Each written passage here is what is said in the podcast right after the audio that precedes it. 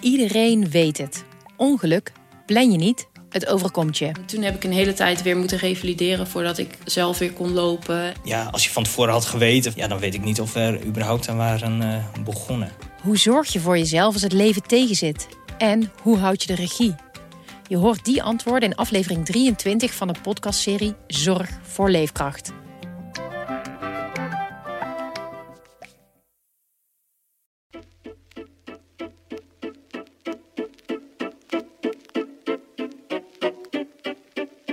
Welkom bij Haags Half Uurtje, de politieke podcast van Trouw. Mijn naam is Christophe Schmid.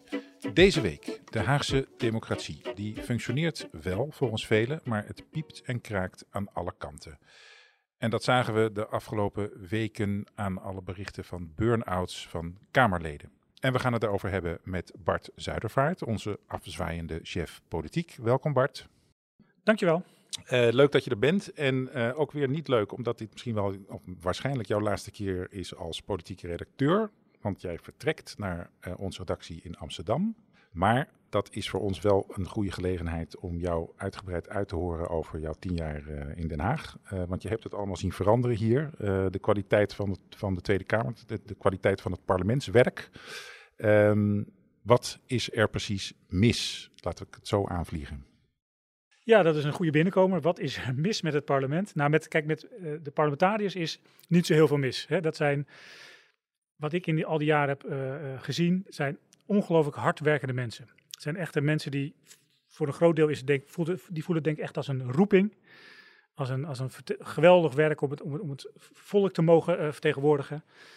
Uh, het is, dat is bikkelen. Dat is echt gewoon hele lange dagen maken. Er zijn wel eens, af en toe krijg je wel eens zo'n zo'n buitenstaanders die, die mopperen dan dat Kamerleden zoveel vakantie hebben, dat, ze, dat het de hele tijd reces is en uh, waar hebben ze dat aan verdiend?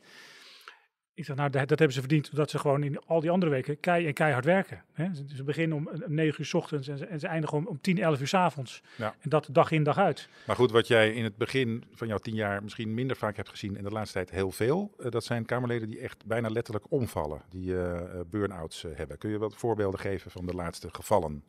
Ja, nee, je, je, zegt bijna letterlijk. Soms is het ook gewoon echt letterlijk. Hè? Ik bedoel, een, een, een, een, een natuurlijk aansprekend voorbeeld uh, was uh, Bruno Bruins, die toen als minister van Volksgezondheid moest dealen met de, de heftige coronacrisis.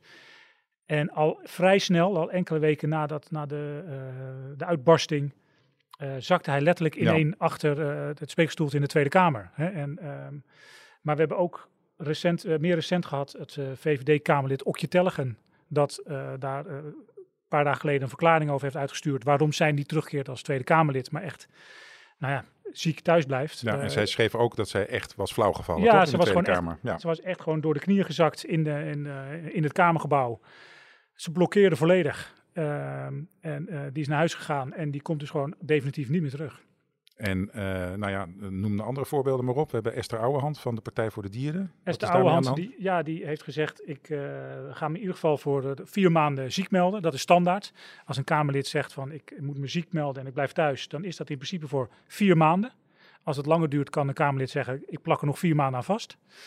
Uh, dus je doet in eerste instantie doet het voor vier maanden. En zij is eerder ziek thuis geweest met een burn-out. Dus zij herkent nu de klachten, de gezondheidsklachten. En uh, het is eigenlijk ook een beetje preventief wat ze doet, maar die, die zijn we dus ook uh, voorlopig uh, kwijt. Ja, en een voorbeeld waar je eigenlijk niet zoveel meer over hoort, omdat het alweer een tijdje geleden is, maar een hele bekende is Pieter Omtzigt. Die heeft heel lang thuis gezeten met een burn-out. Zeker, die, is, op die raakte natuurlijk verwikkeld in die hele akelige affaire met het CDA, waar hij toen vertrokken is. Kwam ziek thuis te zitten ik weet niet tot op de dag of hoe lang dat duurde, maar dat was denk ik ook wel acht, negen maanden voordat hij weer hier terug in het gebouw was. En er zijn ook uh, andere Kamerleden, Rens Raammakers van D66, Harry van der Molen, CDA. Ja, dit is, is, ik ga ze niet allemaal opnoemen, maar als je het op een rijtje zet, dan is dat uh, eigenlijk schrikbarend. Oké, uh, nou goed, je, je gaf al aan, een van de oorzaken is de hoge werkdruk. Um, maar misschien moeten we ook even naar onszelf kijken. wat is precies de rol van de media en dan met name de sociale media hierin? Ja, je kan natuurlijk heel erg kijken naar de sociale media, wat, wat, wat alom vertegenwoordigd is. Maar ik zou ook gewoon naar de meer of meer reguliere media willen kijken. In die jaren dat ik hier rondloop, die tien jaar, is uh, de, de, druk vanuit de media, de, de, de, aanwezigheid van cameraploegen is gewoon steeds heftiger geworden. Je, je loopt het Kamergebouw in, je loopt daar, daar rond en je ziet eigenlijk altijd wel een cameraploeg. Hè? Er zijn eh, natuurlijk ook gewoon schrijvende journalisten, maar de, de druk van zeker audiovisuele media is enorm. En, en, en ehm, er zijn ook meer fracties in de Tweede Kamer, twintig stuks. Dus uh, fracties hebben ook natuurlijk veel meer moeite om zich te onderscheiden, om het nieuws te halen, om, om aanwezig te zijn, om het, het uh, ze willen ertoe doen. Hè? Uh, nou, er staat dan een batterij aan journalisten klaar die de hele tijd, die willen quotes, die willen, ja. die willen van ons, van de Kamerleden, willen ze scherpe reacties, zo snel mogelijk. Ja. Hè? We hebben wel eens meegemaakt, er wordt een rapport gepresenteerd, 600 pagina's dik. En een half uur later moeten de woordvoerders op dat dossier, moeten al voor de camera tekst en uitleg geven. Wat vinden ze ervan? Nou, ze hebben hooguit de samenvatting kunnen lezen op dat moment. En toch is er een enorme ja, dwang vanuit, ook van ons, de reguliere media, om, te, om die Kamerleden te laten leveren. En klopt mijn indruk ook dat uh, door de jaren heen, uh, door jouw ja jaren heen, dat de vragenstellers ook steeds brutaler worden eigenlijk. En dat die behoorlijk agressief soms zijn tegenover bewindslieden en Kamerleden. Ja, dat is wel een tendens, hoewel dat niet iets is van het laatste jaar. We hebben uh, op een gegeven moment maakte Pauw Nieuws een introductie op het Binnenhof en daar veranderde echt wel iets. Die, waren, die waren brutaal en, die, en, en, um, daar hadden politici ook wel moeite mee. op een gegeven moment is er ook een soort afspraak geweest tussen de parlementaire pers en de politici. Dat de parlementaire pers mochten niet meer met draaiende camera op politici af om ze onmiddellijk te gaan ondervragen. Want politie voelde zich overvallen, die gingen soms onhandige dingen zeggen. Dus als jij, als jij gewoon op camera iemand wilde interviewen, moest je dat van tevoren even melden. Um, maar goed, als we het over burn-outs hebben, uh, Bart, uh, dat is natuurlijk niet uniek voor de Tweede Kamer. Dat zit in de hele maatschappij. Uh, in ons eigen krantenbedrijf zijn ook wel eens mensen aan het eind van hun Latijn ZZP'ers die opgebrand raken. kortom, waarom is het zo belangrijk dat wij hier aan aandacht besteden als het over de Tweede Kamer gaat? Nou, wat mij betreft om twee redenen. Ten eerste is de Tweede Kamer geen normaal bedrijf. Het zijn, waar we het net over hadden, het zijn volksvertegenwoordigers. Het is een ambt. Het is, het is, het is een onvoorstelbaar belangrijke uh, taak die deze mensen hebben. En we hebben, we hebben er maar 150 in de Tweede Kamer. Dat betekent als daar uh, al is maar 10% ziek thuis zit, dan is dat bijzonder veel. Hè? Dan ben je opeens 10 van de 150 volksvertegenwoordigers kwijt. En dat kan je eigenlijk niet permitteren, want die mensen die moeten gewoon alle wetgeving controleren. Die moeten, die moeten zorgen dat de regering doet wat ze, hebben, wat ze heeft beloofd. Je wil gewoon eigenlijk dat die 150 mensen topfit op de, op de toppen van hun kunnen functioneren. En Ja. als dat niet het geval is, is dat gewoon echt een, echt een probleem. Ik denk een groter probleem, zeg ik heel eerlijk, dan bij een willekeurige af, afdeling van uh, Axo Nobel of Shell. Ja, want je hebt het dan in feite eigenlijk over bijna 10% van de vertegenwoordigers van de kiezers die niet actief eh, eh, is. Zo is het. Ja. Zo is het. Dus dat is, dat is een probleem. Ehm, en het is denk ik ook goed om even bij stil te staan dat ehm, de bizarre werktijden die deze parlementariërs maken.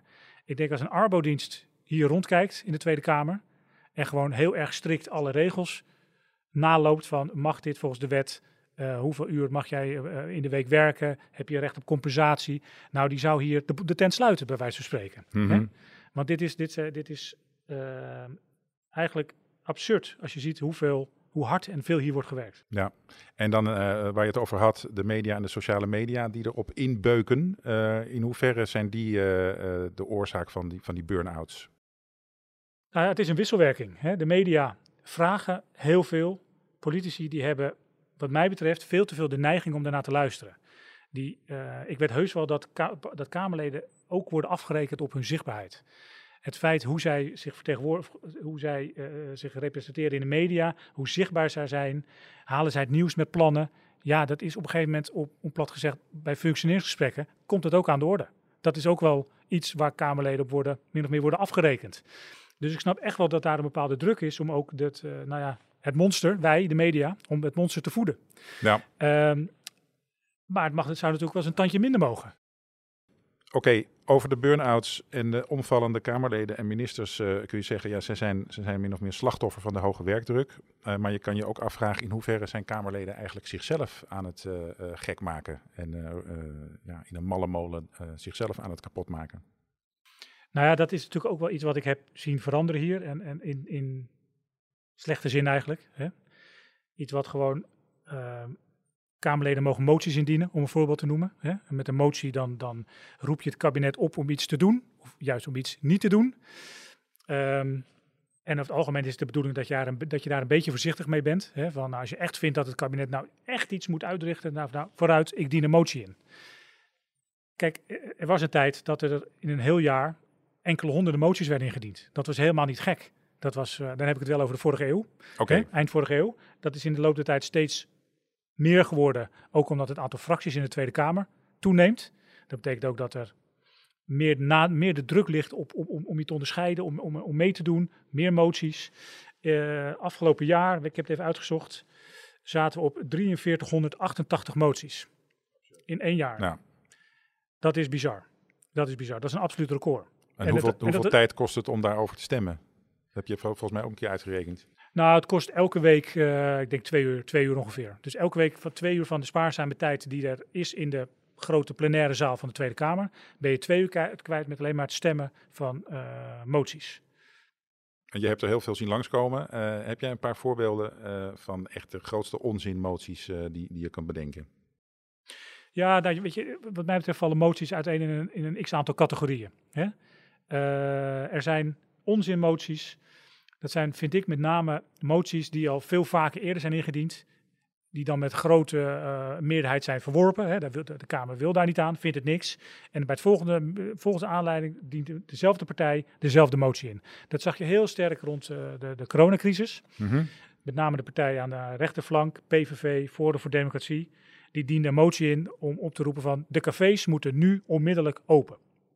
Hè, en op dat moment zitten we dan midden in de, de coronacrisis, cafés zijn dicht, maar er komt een motie onmiddellijk open zonder beperkingen. Nou, alle andere partijen zeggen onverstandig, prima. Volgende coronadebat, hè, want in die tijd hadden we nog elke twee weken een coronadebat. Volgende debat, zelfde motie, zelfde tekst, weer met dezelfde meerderheid verworpen. En wat doen die partijen vervolgens op sociale media? Want dat is ook een bekend eh, of berucht fenomeen. Die Ja, gewoon- kijk, partijen willen wel eens dan vervolgens eh, eh, die motie gebruiken om op, of op Twitter of op eh, Instagram, of waar ze ook al actief zijn, te zwaaien met die motie en te zeggen, kijk eens wat een schande het is wat deze partijen doen. Ehm, ehm, ik laat hier aan mijn publiek zien van dat die andere partijen niet deugen, weet je Het wel. zijn En- allemaal de plaaggeesten van de horeca, eh, zogenaamd. zo, zo Ja. precies, precies. En, en er was een GroenLinks eh, eh, Kamerlid, Lisa Westerveld, die heeft daar een geweldige term voor bedacht, de wappermotie. Dat is hier op, min- inmiddels in de, de Haagse stulp is dat, een, is dat echt Hmm. een begrip geworden, de wappermotie. Dat betekent dat een partij die eh, dient een motie in, die nergens over gaat, die althans helemaal niet op dat moment politiek relevant is. Ik heb er een voorbeeld bij gepakt. Een motie van eh, eind vorig jaar van het lid van, eh, van Houwelingen van Forum voor Democratie. Ja, Die diende een motie in dat er in Nederland geen sociaal kredietsysteem mocht komen zoals er in China eh, wel het geval is. Op dat moment was dat beruchte sociaal kredietsysteem nooit ter sprake gekomen in het Nederlandse Nee. parlement. Er ligt geen kabinetsplan om het in te voeren. Oftewel, het is totaal niet aan de orde. Ja. Vervolgens eh, komen die andere partijen, hebben een dilemma. Moet ik nou meestemmen met een, met een motie van Forum voor Democratie? Ehm, omdat ik het in de kern er wel mee eens ben. Wij, wij willen zo'n krediet, sociaal kredietsysteem ook niet in Nederland. Of moet ik tegenstemmen omdat het een krankzinnig, onzinnige motie is? En dat is een enorme worsteling waar die partijen mee zitten. Vervolgens, partijen stemmen in meerderheid tegen die motie, want ze vinden het een totale onzinmotie. Nou, dan begint Van Houwelingen te wapperen met die motie, vandaar de wappermotie. Op social, social, sociale media. Kijk eens, we gaan dit sociaal kredietsysteem Ja. toch instemmen. Chinese instellen. toestanden in Nederland. Precies, want eh, de Ja. meerderheid van de Kamer heeft mijn motie verworpen. Ja, ja. Eh, dat zijn, eh, dat zijn vind ik om te zien, vind ik pijnlijk om te zien. Hè, want wat daar, daarmee, daarmee eh, ja, ondermijn je ook een beetje het functioneren van de Kamer. Weet je, je, je, je zet allerlei partijen zet je hier met kwade bedoeling in de verdachtebankje. En het enige reden is ophef op de sociale media. Daar krijgen die andere Kamerleden die zijn motie hebben verworpen, krijgen daar gewoon weer last van. Mhm. Eh, dat is buitengewoon vervelend. Dus je hebt, je hebt de wappermotie, je hebt de, je hebt de kansloze motie. Eh, wat, ook, wat ik ook heel ja, veelvuldig voorbij zie komen zijn de be- bekende spreek-uit-moties. ja, Dat moet ik even uitleggen, denk ik. Graag. Een motie eh, is eigenlijk bedoeld om het kabinet ergens toe aan te zetten. Tot actie of tot inactie. Het kabinet Ja. moet overgaan tot actie op een bepaald punt. Prima. Maar je hebt ook een spreek-uit-motie. En dat, dat is niets meer dan dat de Kamer iets vindt. Punt. Hè? De Kamer vindt, laat ik een beetje een ridicule voorbeeld geven. De Kamer spreekt uit dat het jammer is dat er in de voetbalstadions in Qatar geen genderneutrale toiletten zijn. Mhm. Hè? Heel vervelend. Een spreek-uit-motie. Of dat het elke dag mooi weer is, is in Nederland. Precies. Zoiets. Wij willen gewoon elke dag dus willen wij zon. Dat spreekt de. Kamer uit. De kabinet, het kabinet hoeft daar niks mee. Nee. Het is, een, het is een, een motie die er gewoon totaal niet toe doet. Ja, ook dat is, eh, ook dat vervuilt het parlementaire systeem wat mij betreft. Dat is jammer. Oké Bart, nou we hebben het nu natuurlijk over, eh, over niet erg nuttige moties, maar je hebt natuurlijk wel degelijk ook nuttige moties. Daar gaan we straks nog even wat voorbeelden van noemen. Ik wil nog eventjes jou iets vragen over die wappermoties waar je het over had. Want eh, een relatief nieuw fenomeen is dat partijen, bijvoorbeeld over zo'n Chinees kredietsysteemmotie, dat ze dan maar zeggen van nou weet je wat, we stemmen daar toch maar voor, anders krijgen we al die bagger over ons heen op sociale media. Terwijl ze eigenlijk gewoon onzin vinden. Dat is ook een, een, een smet op de democratie, zou je zeggen. Ja, dat, je zou zeggen dat is totaal niet de bedoeling. Hè? Ik bedoel, als je als partij vindt dat een motie onzin is, er niet toe doet, niet relevant is, dan stem je hem weg. Maar als je uit angst toch voorstemt, omdat je weet dat als jij tegenstemt, dat jij op social media allerlei akelige, haatdragende, bedreigende berichten krijgt, en dat je om die reden een motie toch aan steun helpt, ja, lijkt me buitengewoon zorgwekkend. Ja. Oké. Eh, en het bekendst zijn misschien nog wel de moties van wantrouwen. Daar heb jij ook wat eh, voorbeelden van. Ja, de motie van wantrouwen, dat was natuurlijk een, een, een, eigenlijk een machtig wapen van, eh, van de Tweede Kamer. Meestal in vroegere tijden, als er, als er een motie van wantrouwen in de lucht hing, hè, van oh, misschien gaat die partij zijn motie indienen, dan, dan ging er een siddering eh, door, de- door het parlement. Het kabinet was eh, min of meer in crisis van, oh jee, wa- wa- wa- wat gebeurt hier? Dat was meteen een persalarm eh, op, eh, op, de telex, eh, Oh, zoals dat vroeger ging. absoluut. Ja. Dan, ging er, dan was er een, een, een torentjesoverleg met de premier van hoe gaan we dit oplossen. Ehm, dat is ontzettend veranderd met de komst van de PVV. Mhm. Op een gegeven moment is eh, Geert Wilders heeft zich afgesplitst van de VVD-fractie. 2004 is hij op een gegeven moment in 2006 op eigen titel, hè, de PVV, Mhm. is hij in de Tweede Kamer gekomen. Toen zag je de, het aantal moties van wantrouwen zag je vrij explosief toenemen. Ja. En inmiddels, eh, nou ik heb het even erbij gezocht, dit kalenderjaar, en dan hebben we het eigenlijk over het kabinet Rutte 4, Mhm. zijn er al zeker tien moties van wantrouwen, dan wel motie van afkeuring ingediend tegen één of meerdere leden van dit kabinet. Waarvan je van tevoren al weet dat die het toch niet gaan halen. Eigenlijk. Die waren Ja, eigenlijk ja. allemaal beho- eh, eh, kansloos. En het, eigenlijk komen ze, zitten ze allemaal in de hoek van PVV, Forum voor Democratie. De boer-burgerbeweging van Caroline van der Plas heeft er heel veel mee gestemd. De, de groep van. Wieben van Haga. Een enkele keer bijeen. Partij voor de Dieren wil een enkele keer wel eens meestemmen met de motie. De SP, maar eigenlijk aan de flanken.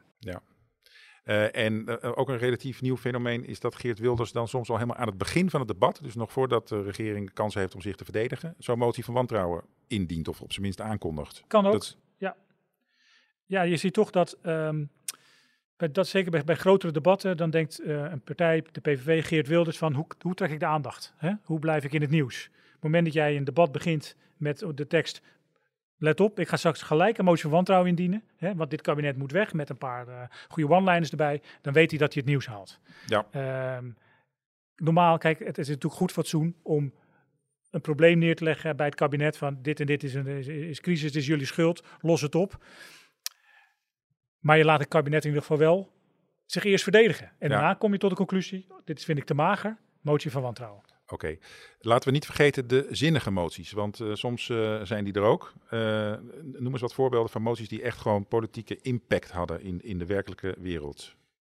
Nou, eentje die mij wel helder voor de geest staat was vorig jaar zomer hadden wij die hele moeizame evacuatie van mensen uit Afghanistan.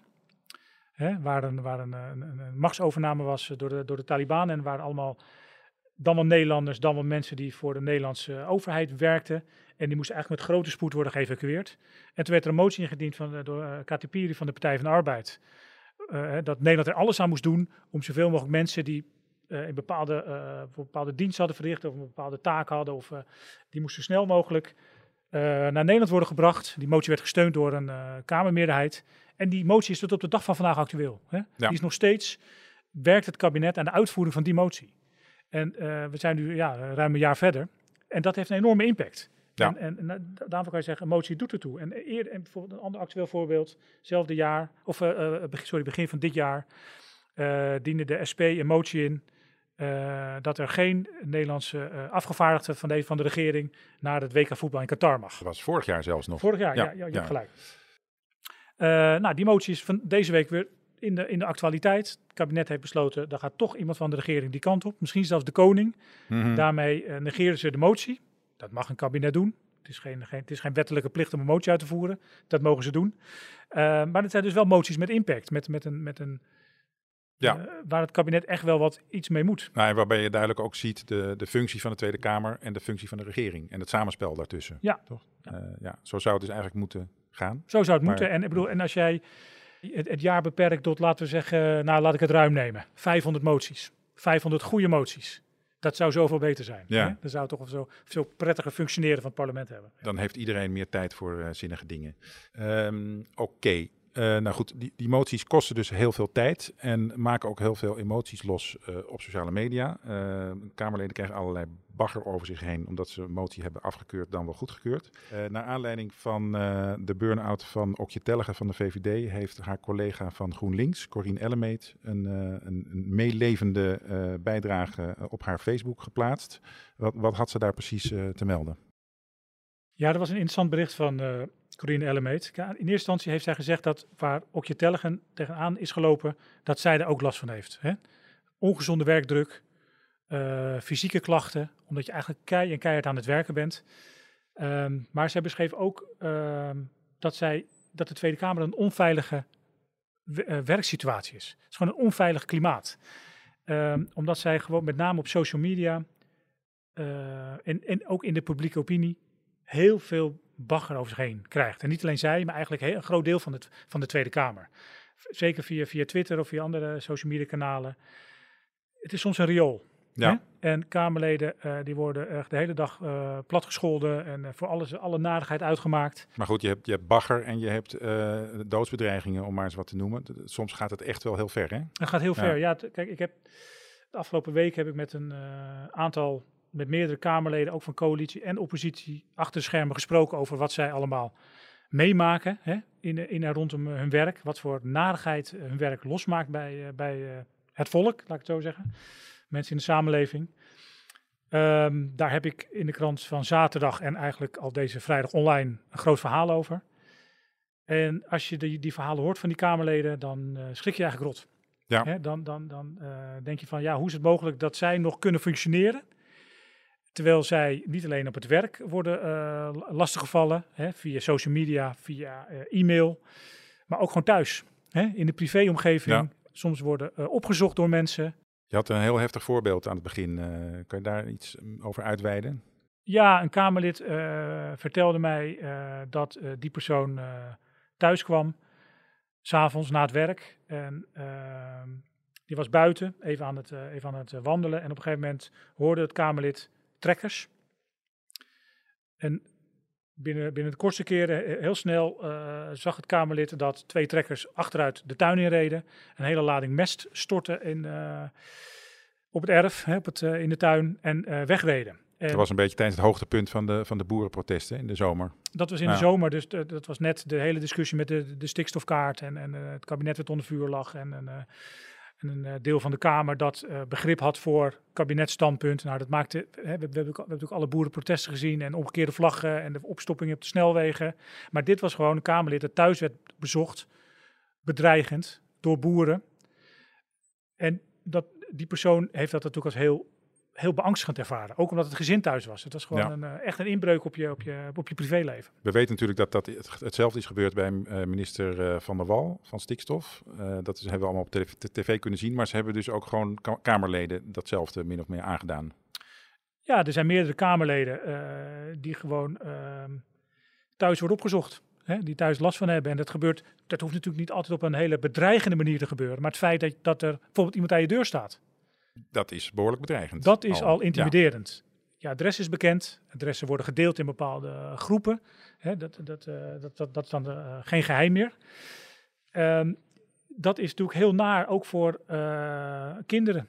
Mhm. Hè? Je moet bijvoorbeeld ook op zo'n moment je kinderen vertellen van let op, eh, papa of mama die, eh, die krijgt wel eens eh, ongewenst bezoek. Dat willen wij niet. eh, maar eh, en, als, als, en als ik niet thuis ben en het gebeurt toch, bel de politie. Ja. Kinderen worden gewoon geïnstrueerd en worden gewoon helemaal verteld wat ze op zo'n moment moeten doen. Want ik, ik heb ook uitgezocht van hoe gaat het dan met, met, met de diensten, hè, de veiligheidsdiensten, want die zitten hier bovenop. Die weten precies waar alle Kamerleden wonen, die hebben de adressen, die weten als er ergens een melding wordt gemaakt, laat zij alles uit hun handen vallen en, gaan, en dan gaan ze erop af. Hè, er wordt op allerlei plekken meegekeken met camera's.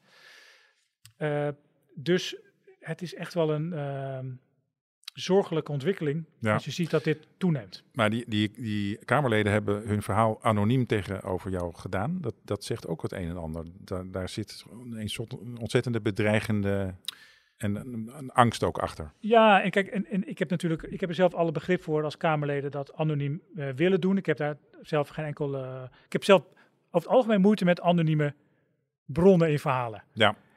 Maar, maar, in dit geval. Maar in dit geval het, vond, uh, ik het, vond ik het te rechtvaardigen, uh, omdat ik wil voorkomen, en dat wilden de Kamerleden ook, dat zo'n verhaal nieuwe narigheid losmaakt. Dat dit, mensen dat lezen en dan denken van, oh, die, dat Kamerlid zegt dat, daar ga ik weer eens langs. Of die ga ik weer eens uh, een paar lelijke berichten sturen. Dus daar ben ik helemaal niet op uit. Kijk, en daar zijn die Kamerleden natuurlijk ook niet op uit. Zij hebben, willen, meewer willen meewerken aan dit verhaal om ook te laten zien van ehm, hoe die bedreigingen en intimidaties uh, het functioneren van de democratie ondermijnen. Wat dit doet voor hun werk. Kijk, Kamerleden vertelden me ook dat zij, ze zijn ook gewoon, ze doen ook aan zelfcensuur. Ze zijn, ze zijn voorzichtiger geworden. Ze doen, ze doen minder op social media. Ze zijn niet meer bij elke publieke bijeenkomst. Er zijn Kamerleden die, als zij naar een publieke bijeenkomst gaan, wat van tevoren ergens is aangekondigd op Facebook of waar mm -hmm. dan ook, dan moeten de veiligheidsdiensten dat weten. Want die ja. moeten een risicoanalyse maken. Is het verstandig dat dit en dit Kamerlid bij die bijeenkomst komt spreken of niet? En soms volgt dan het antwoord, nou, uh, liever niet. Blijf liever thuis. Of ja. soms is, is het voorzichtig advies van, uh, nou, ga niet met je eigen auto, neem gewoon een taxi. Hè, er zijn allerlei grijze gebieden van wat dan wel en wat, wat niet kan. Maar om nog even een concreet beeld te krijgen van, van dat soort bedreigingen, verbaal vooral, wat, wat, wat, wat krijgen die mensen over, over, over zich heen? Ja, dit, het is heel verschillend. Kijk, je hebt natuurlijk uh, social media en, en, Twitter is daar eigenlijk het lelijkste voorbeeld van. Dat is een riool. Dat is gewoon, een Kamerlid noemde dat tegenover mij de, loop, de lopende band. Mhm. Het is een band maar, die aangaat en hij stopt echt niet. Maar wat ligt erop, op die band? Scheldpartijen, ja. uh, doodsbedreigingen, bijna, bijna altijd anoniem. Hè, dus een, een, enkele keer weet de politie te achterhalen wie dat is. Maar het is veelal uh, anoniem. Het zijn van, van, ja, het zijn, van die, het is in ieder geval niet met naam en toenaam. Nee. Hè? Daarvan zeggen Kamerleden, ik lees het gewoon niet, ik negeer het. Maar dat gaat ook wel eens, uh, ja, ze krijgen ook e-mails, komen er bij de, bij, de, bij de fractie van de Tweede Kamer binnen.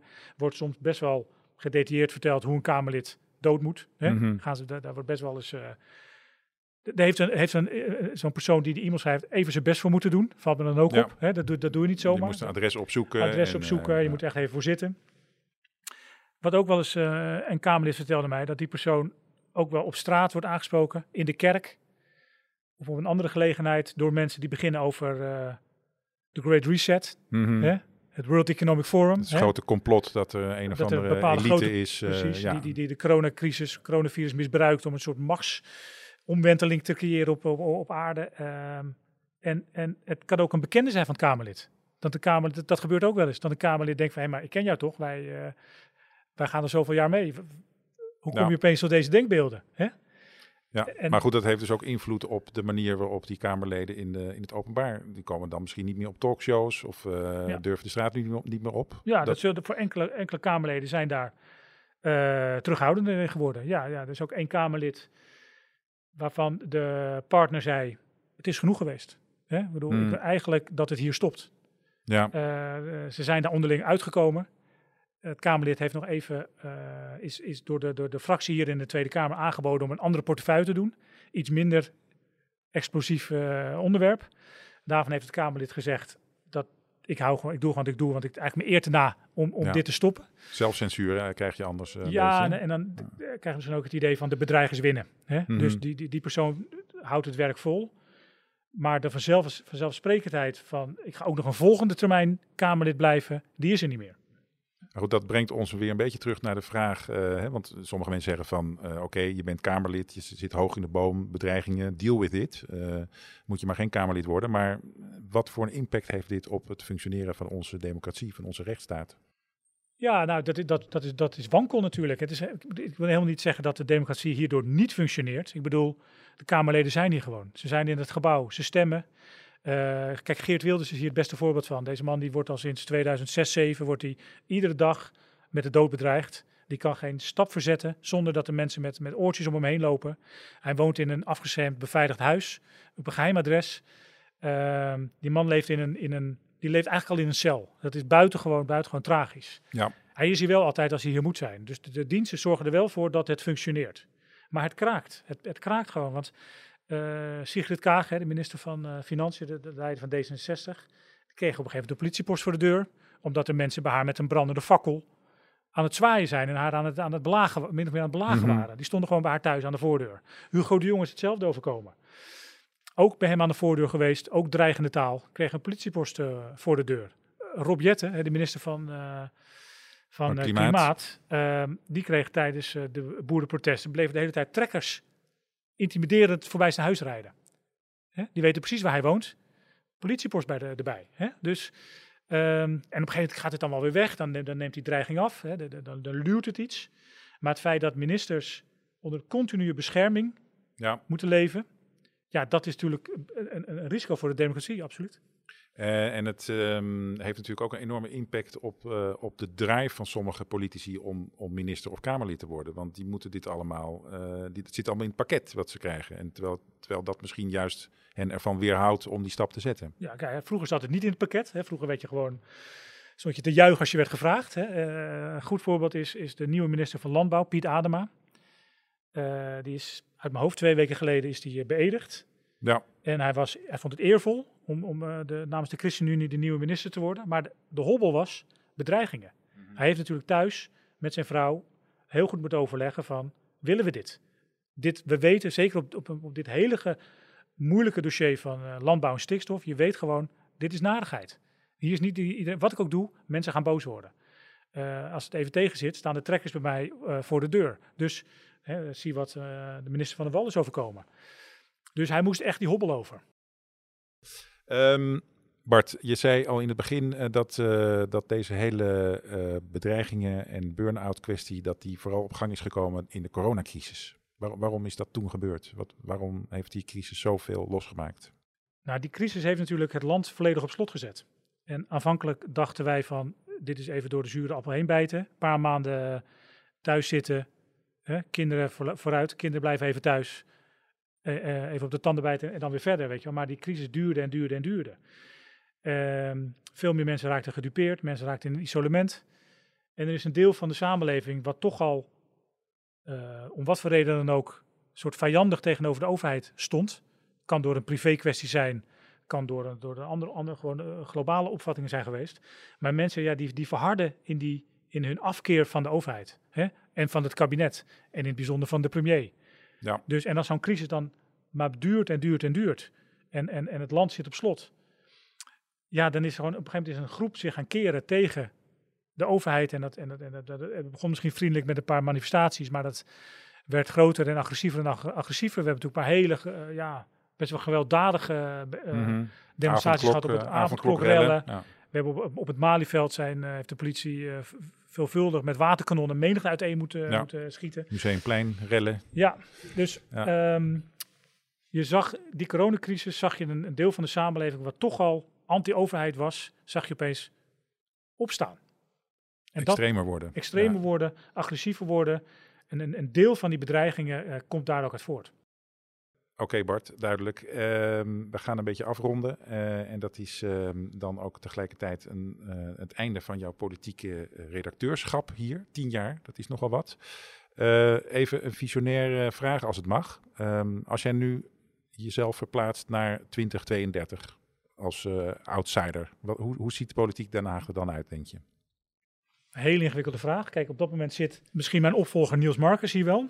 Die, zit met het eh, kabinet Rutte 8 misschien? zitten Eh, Rutte 8, Rutte 9. Hm. Dat zou heel goed kunnen. Eh, ik mag toch hopen dat er dan de, de, de, de, de rust enigszins is teruggekeerd hier. Want ik vind wel dat zeker de afgelopen twee jaar is het een en al onrust hier.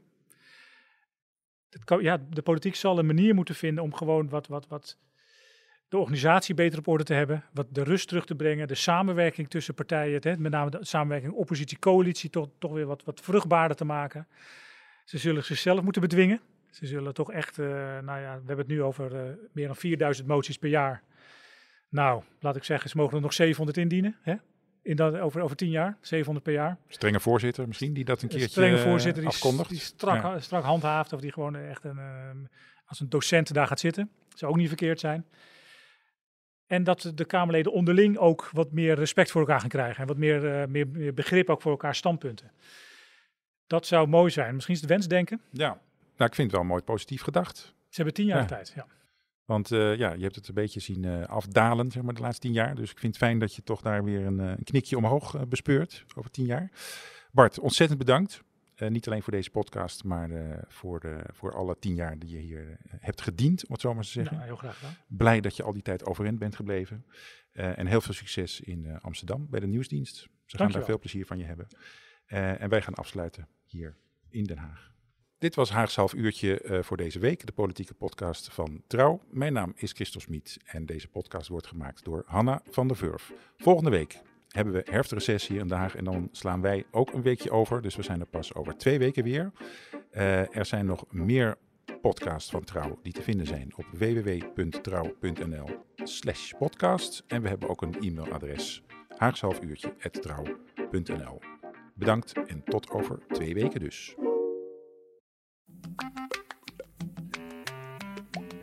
Iedereen weet het. Ongeluk plan je niet, het overkomt je. Toen heb ik een hele tijd weer moeten revalideren voordat ik zelf weer kon lopen. Ja, als je van tevoren had geweten, ja, dan weet ik niet of we er überhaupt aan waren uh, begonnen. Hoe zorg je voor jezelf als het leven tegenzit? En hoe houd je de regie? Je hoort die antwoorden in aflevering 23 van de podcastserie Zorg voor Leefkracht.